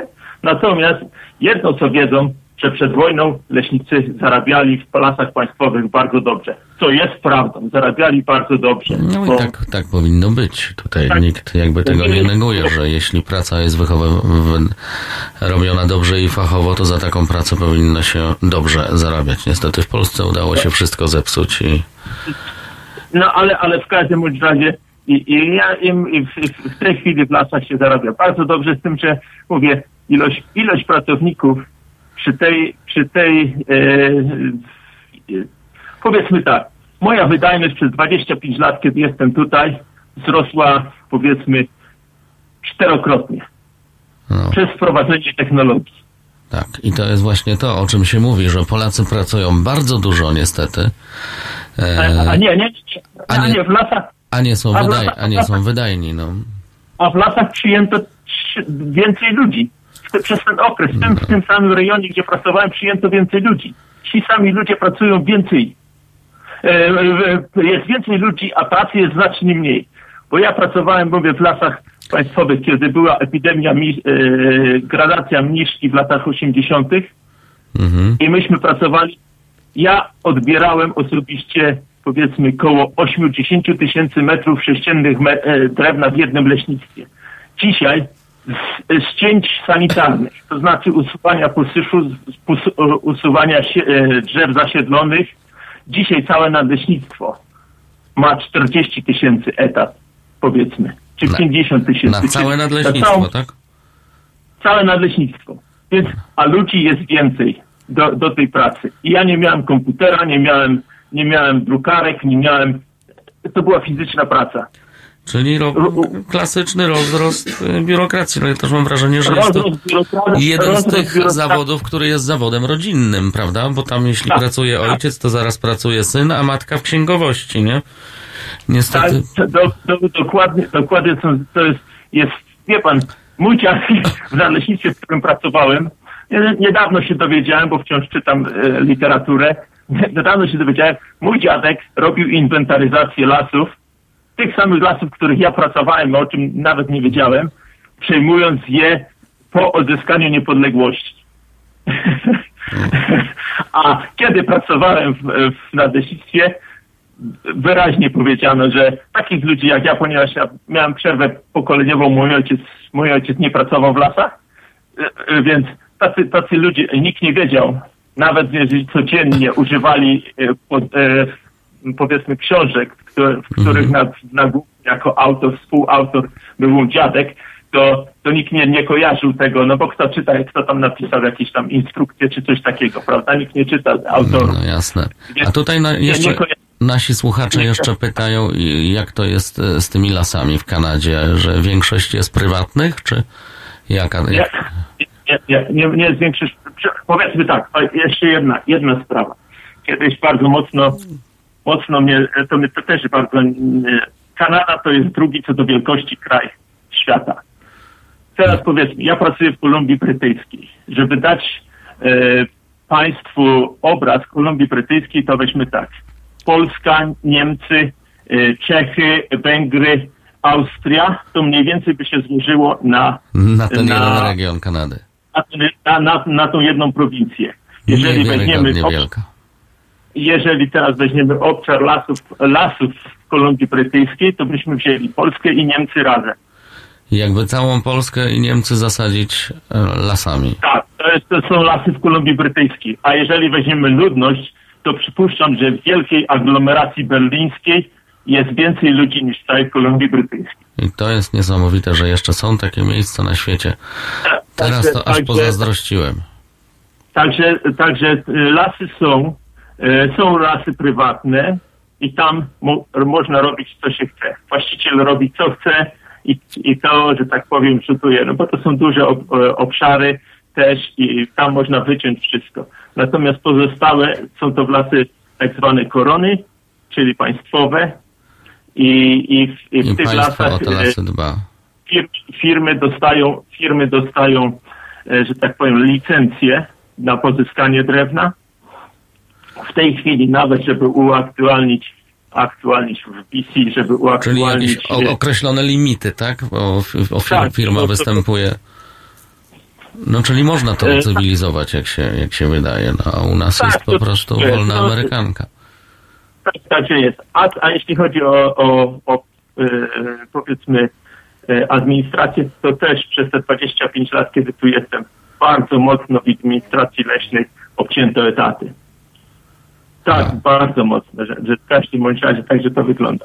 Więc mówię, e, zamykając sprawę, przerost etatów, trze- trzeba tym ludziom dać pieniądze, w związku z tym oni muszą zarobić moto to zem, a żeby zarobili, żeby tak nic się nie zmieniało, to oni są właśnie podatni na to, żeby wspierać, sp- wspierać, e, wspierać e, od, odpowiednią partię.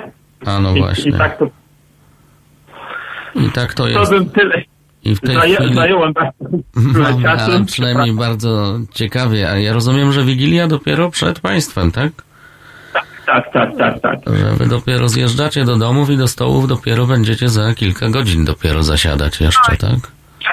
Ja akurat, ja akurat już w tej chwili za, zawiesiłem pracę na kółku od piątek, zjechałem z terenu, zaczął śnieg, śnieg mocno do, do, dopadł, także... I jeszcze, i jeszcze dobił nas słuchacz na koniec, że w Kanadzie będą jednak białe święta, bo u nas Nie, nie, niekoniecznie. no nie w całej, nie w całej Kanadzie, w No BC tak. i w Vancouver, w Vancouver nie będą białe święta, ale Vancouver jest tak specy, specyficznym miastem, że można iść na narty, znaczy powiedzmy tak, przed południem można iść na żagle, a, po- a po południu e, można iść na narty.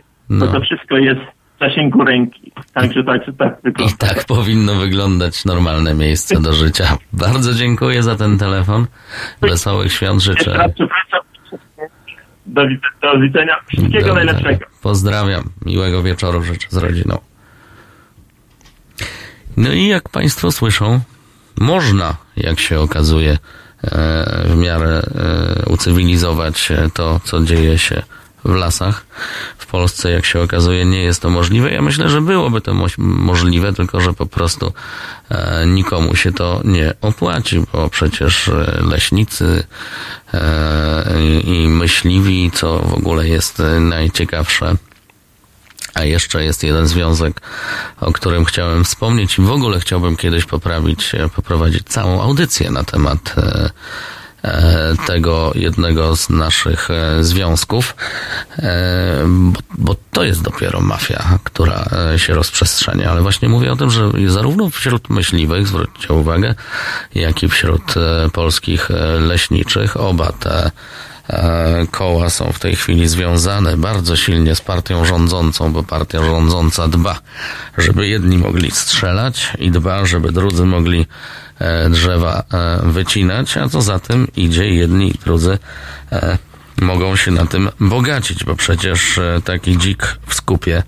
e, to trochę kosztuje i to nie jest tak, że wszyscy strzelają tylko e, dla jaj i dla widoku krwi, ale też dlatego, żeby sprzedać rogi, sprzedać skórę, sprzedać kiełbasy i sprzedać mięso. I jest to potężny zastrzyk finansowy w wielu rodzinach myśliwskich przy dzisiejszych cenach mięsa i to ktoś, kto jest e, myśliwym i sobie trzaśnie takie dwa dziki e, w miesiącu, no to głodny chodzić nie będzie i on, i jego rodzina. I nic dziwnego, że w obu tych organizacjach jest pełno polityków i pełno oczywiście księży e, co zawsze jest takie trochę bolące i dziwne, bo widok księdza na polowaniu e, no, wzbudza e, szczególne uczucia, e, kiedy księża mówią o miłości bliźniego i tak dalej, i tak dalej, a z flintą e, strzelają do zajęcy, to coś to dla mnie jednak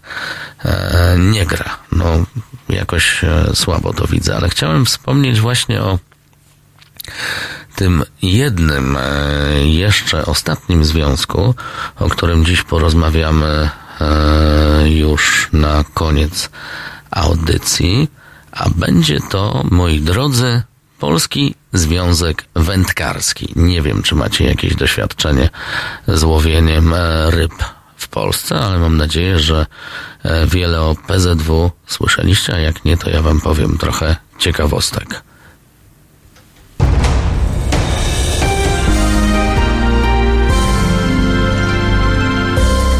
Czwartek Od 19 do 21. Muzyk, animator życia kulturalnego, społecznik, a przede wszystkim świadomy obywatel Tomek Konca i jego fantastyczni goście. 19.21. www.halo.radio. Słuchaj na żywo, a potem z podcastów.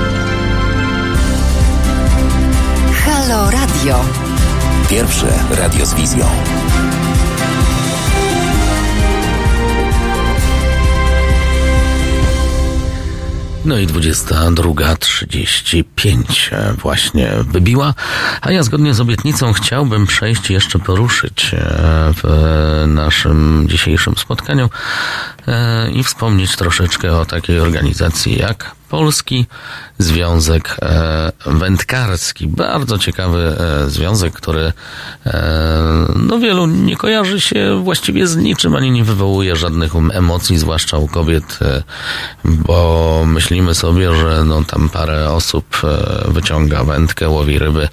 Komu oni przeszkadzają i co oni takiego mogliby złego robić? Tam pan Piotr pisze, że ma raczej negatywne skojarzenia, no bo tutaj jest problem z żaglówkami e, i tak dalej. Ale otóż, ja nie wiem, czy Państwo wiedzą na przykład, kto jest we władzach takiego e, związku wędkarskiego, ani nie wiem, czy macie świadomość, jak olbrzymia jest to organizacja, bo jak się okazuje, to jednak tych wędkarzy jest w Polsce całkiem sporo. Każdy z tych wędkarzy musi płacić składki. Więc kasa, która e, wpływa do takiego związku jest niewyobrażalnie wielka. I taki związek ma jeszcze o tyle właśnie dobrze, że wokół niego jest cisza jak na rybach.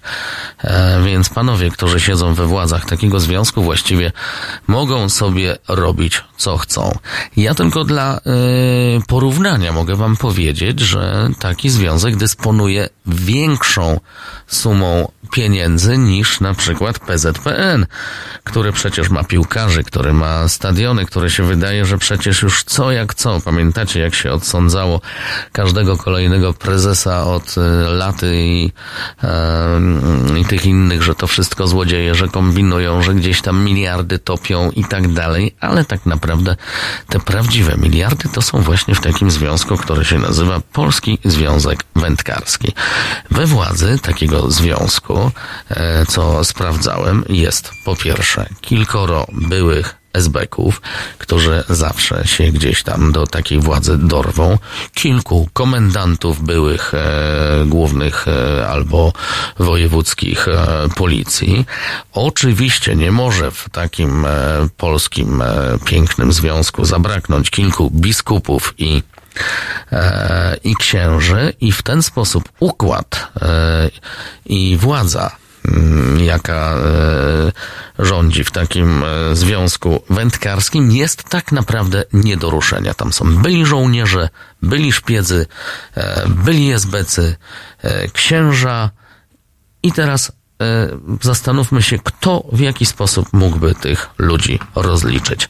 A przekrętów, jaki robi się w e, takim związku jest bez lików. No bo mm, nie wiem, czy też sobie zdajecie sprawę, że taki związek to jest też związek sportowy. On zatrudnia sportowców, dlatego e, podlega pod ministerstwo sportu i dlatego nie jeden minister sportu już poległ na tym, gdy próbował przeprowadzić na przykład kontrolę w Polskim Związku Wędkarskim. Zapewniam Was, że nie udało się to do tej pory żadnemu ministrowi, a pani Mucha poległa na tym i nawet e, straciła swój fotel. Dlatego, że ci ludzie są niedotknięcia i dysponują nieograniczonym budżetem.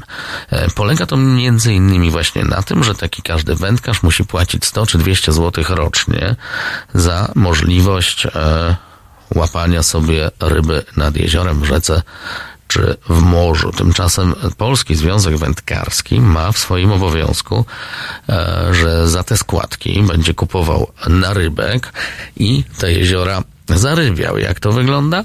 Otóż wygląda to tak, że prawie nigdy takie jeziora nie są e, zarybiane, albo jeśli są, to po prostu o 100 razy mniejszą liczbą e, tych ryb niż wartości deklarowane.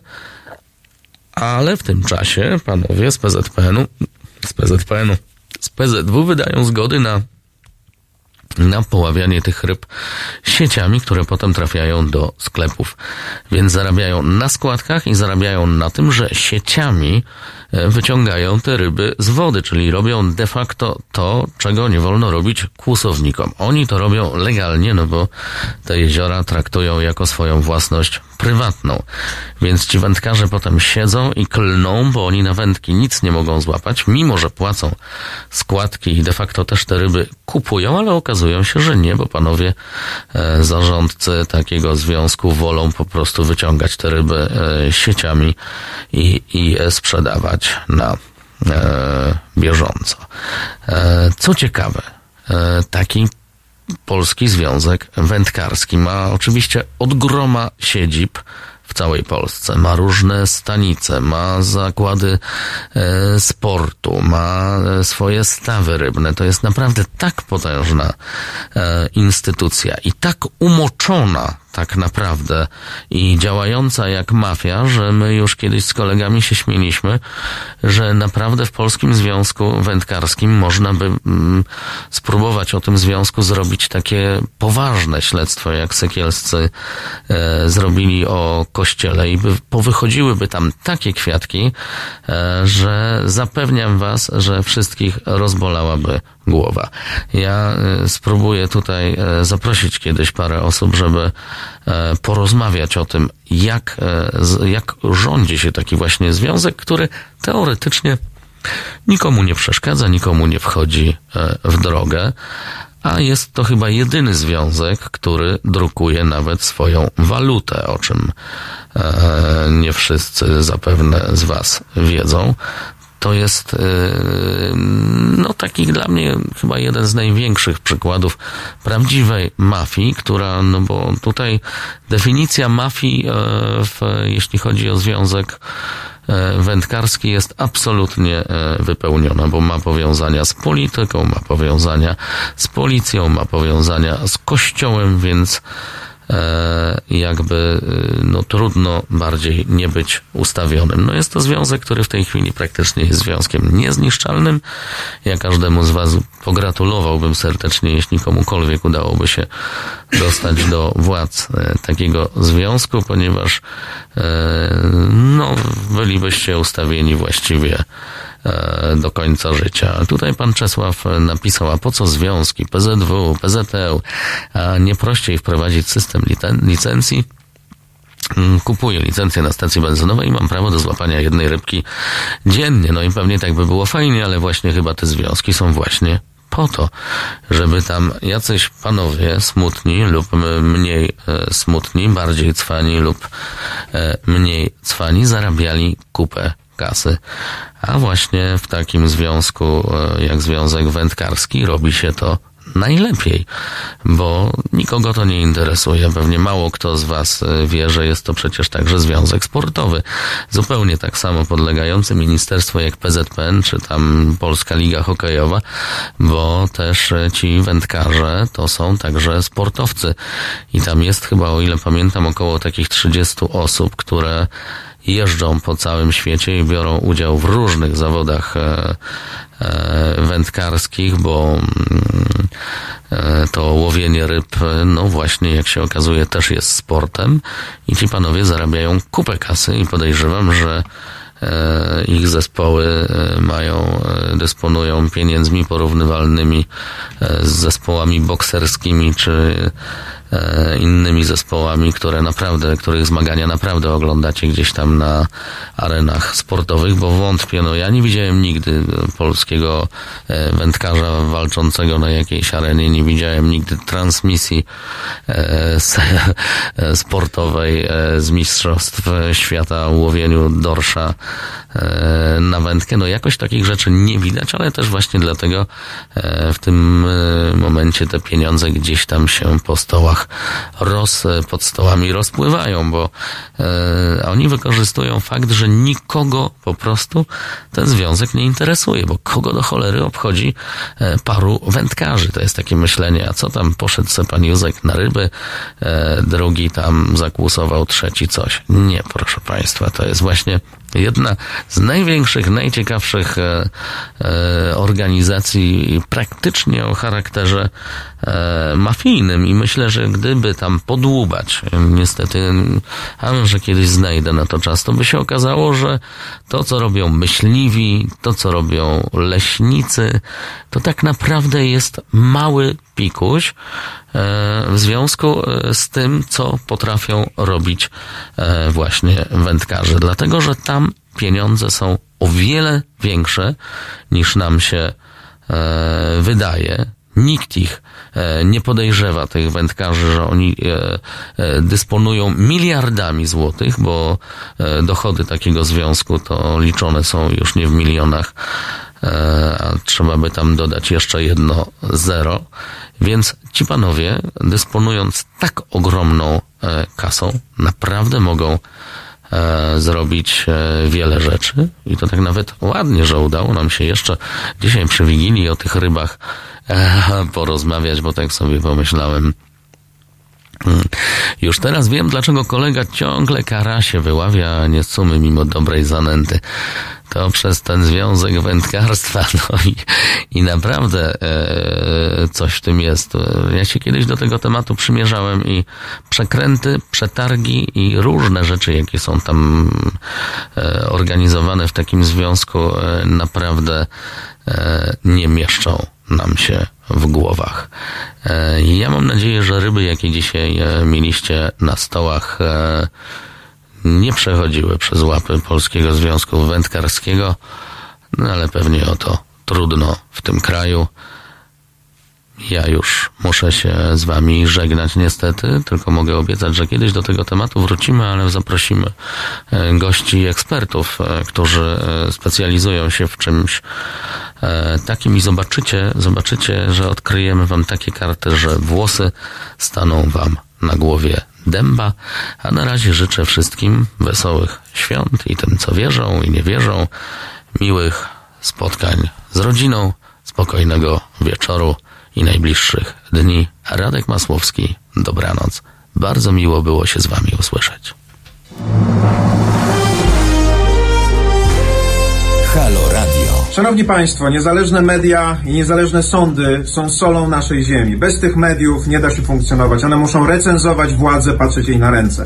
Halo Radio to niezależne medium obywatelskie, które się utrzymuje tylko i wyłącznie dzięki wsparciu obywateli. Ja popieram, zachęcam Państwa do tego, żeby także popierać, bo takie media są nam bardzo potrzebne. Marcin Matczak. www.halo.radio ukośnik SOS.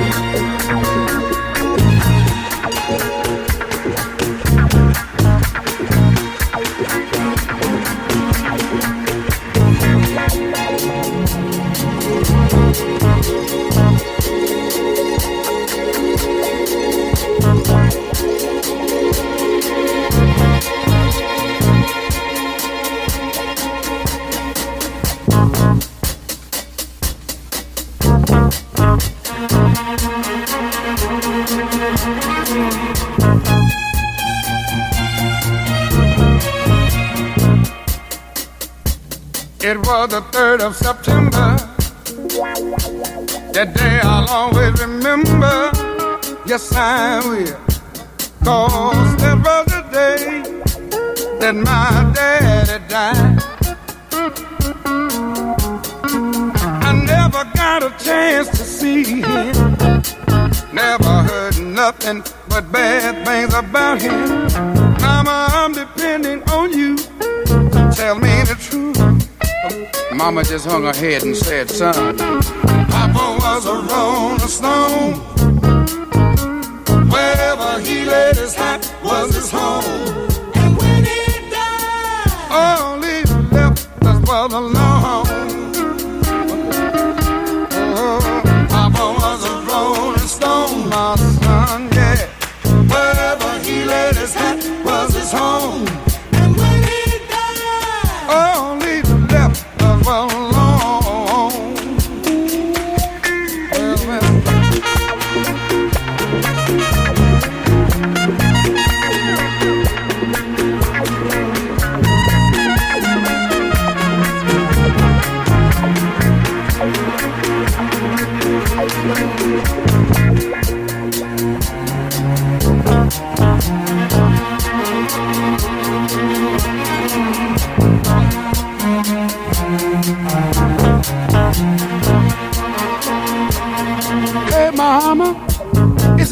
What they say that Papa never worked a day in his life? And mama, some bad talk going around town saying that Papa had three outside children and another wife. And that ain't right. Heard some talk about Papa doing some storefront preaching, talking about saving souls and all the time leeching,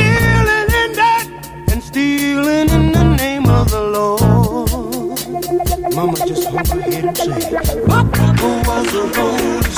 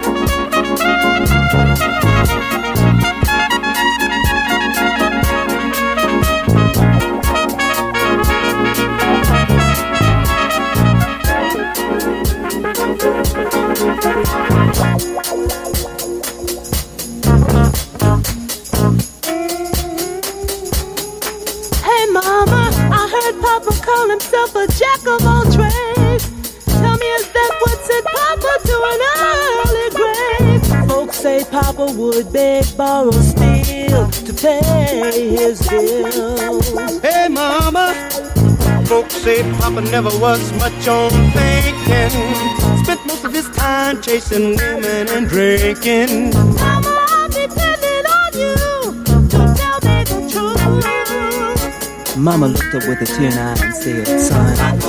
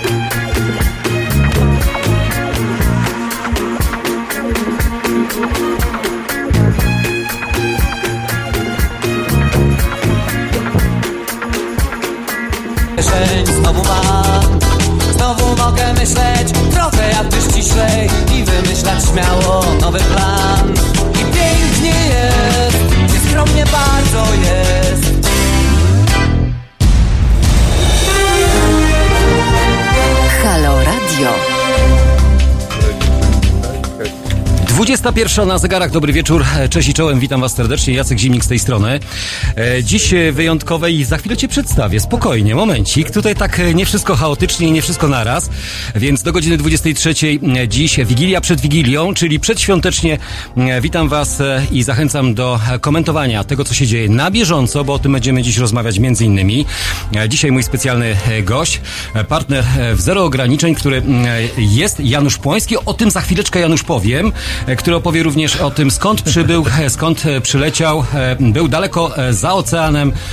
O tym wszystkim dziś na antenie Halo Radio między innymi, więc zachęcam Was nie tylko do dzwonienia, ale również do czatowania i do bycia razem z nami na portalach społecznościowych, a przede wszystkim na antenie Halo Radio.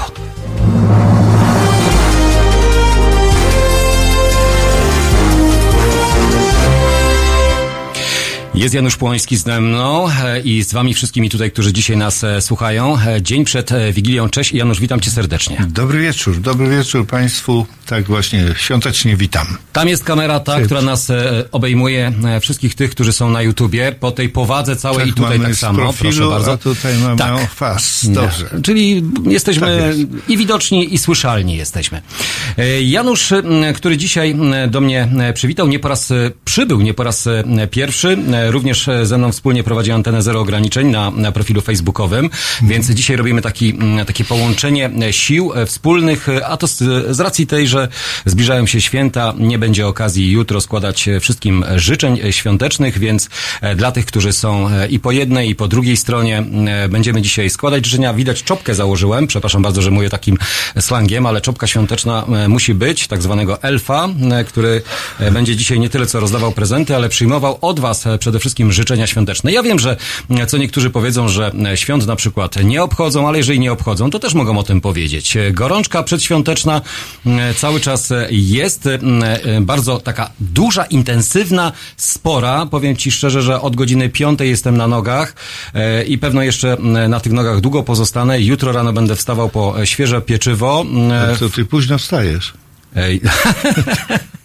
Dlaczego późno wstaję? No o piątej, myślisz o siedemnastej, tak? Nie, nie, piąta rano. Siedemnasta Aha. to jest po południu, a piąta rano to piąta rano. E, Ktoś, kto m, chce mieć e, świeże pieczywo, to przypomnij sobie, jak to było za m, czasów PRL-u. To E, kupował poprzedniego dnia. no nie tyle co poprzedniego dnia, ale przypomnij sobie kolejki, bo to rzeczywiście jest mm, pewien mm, fenomen, że ludzie, którzy, mm, które, znaczy mają produkty na co dzień ogólnodostępne, nagle ni stąd, ni zowąd mm, ustawiają się, mm, no powiem, nie w kilometrowych, bo może bym przesadził, ale w kolejce, w której trzeba stać co najmniej e, godzinę, aby móc kupić tak zwane świeżutkie pieczywo z ulubionej piekarni, m, w której e, na przykład e, kupujemy e, często albo bardzo rzadko. Więc e, na to ja jestem jutro przygotowany, nie wiem jak wy, ale mam nadzieję, że mm, e, proponuję płaszcz przeciwdeszczowy zamiast czopki. E, Napisał e, Charlie Bet. E, Witam cię Charlie witam wszystkich tych, którzy są razem z nami. E, Dziś te dwie godziny będą trochę nieco szalone, ale nie zapomnimy o, o, o rzeczach ważnych, istotnych, o których też będziemy e, rozmawiać, więc mm, na pewno na pewno o tym będziemy mówić e, cały czas w kolejnych, e, nazwijmy to, e, blokach. Janusz przyleciał do nas prosto z ciepłej Kuby. Gorącej, 27 stopni. Gorącej Kuby. O tej Kubie będziemy dziś też między innymi mówić, bo dla mnie jest to fenomen socjalistyczny kraj z komunistycznym władcą, jeszcze funkcjonujący w obecnej, nazwijmy to, cywilizacyjnej reformie dążenia do demokracji. Nagle jeszcze takie ostoje pozostają gdzieś w różnych Tak, miejscach świata. Korea i Kuba. No tak, no proszę, Korea i Kuba. My też kiedyś byliśmy socjalistycznym krajem. Nie, nie podam. Bo ich nie znam. No. Albo o, jeszcze o tym... Państwo też zobaczyli, nie wiem, czy to widać w tych Ale to tutaj- tutaj- mam tutaj, tak, widać. Koszulkę kubańską właśnie, bo to jest e, bandera kubana. Bandera kubana. Tak. A to, jest... jedna z dwóch rzeczy, Trochę które... mi się to kojarzy z argentyńskim, e, e, argentyńskie elementy tam To jest trochę, to można powiedzieć, że trochę Ameryki tutaj jest. Trochę tak. I jakaś gwiazda, ale biała. Biała, biała. No biała. właśnie, nie, nie czerwona, jak można byłoby przypuszczać. No, e, no tak, e, to e, odno, odnośnie Kuby i odnośnie tego, co, jak Kuba wygląda oczami Polaka, bo jakby to mnie bardzo interesowało. Nie specjalisty, historyka, czy badacza różnych kultur, czy znawcę systemów demokratycznych, niedemokratycznych, różnych ustrojów, tylko po prostu człowieka, który jedzie na Kubę i to nie pierwszy raz, bo pierwszy raz nie byłeś. To Drugi. Drugi raz, no Drugi. Proszę bardzo. Za 20 drugie. lat temu Do trzech razy raz. sztuka, do trzech razy sztuka. E, Tak, i oglądałem rzeczywiście dobrze, że to powiedziałeś, że nie jestem żadnym e, politykiem, historykiem, specjalistą od czegokolwiek. Ja to oglądałem oczami e, swoimi własnymi, oczami mojej córki, która nie tylko była moimi oczami, ale była moim tłumaczem, bo ja z Hiszpania, hiszpańskiego nie zdążyłem się nauczyć przed wyjazdem. A tam obowiązującym językiem, e, przypomnijmy, jest język hiszpański. I, ale, ale właściwie ludzie bardzo udają, że mówią po angielsku, więc można zawsze kogoś tam znaleźć. I z Kuby